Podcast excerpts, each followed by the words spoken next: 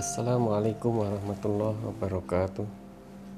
Rekan-rekan PPDS yang sedang bertugas Atau yang sedang beristirahat di rumah.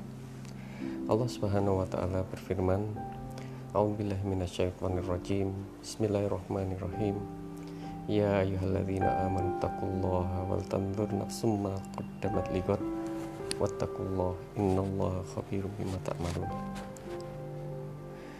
Wahai orang-orang yang beriman, bertakwalah kepada Allah dan hendaklah setiap kalian wal tanzur nafsum dapat diwat memperhatikan apa yang sudah dia kerjakan untuk nasib dia nanti di akhirat. Wattaqullah dan bertakwalah pada Allah. Innallaha khabirum bima ta'malun. Sungguh Allah akan mengabarkan apa yang sudah kalian kerjakan.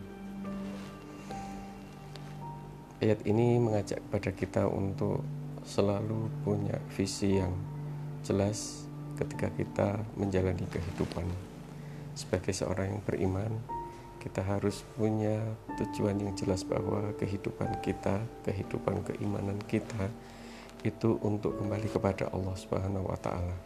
Sehingga kita harus memperhatikan apa yang kita kerjakan hari ini karena akan membawa dampak, membawa akibat nasib kita nanti di akhirat.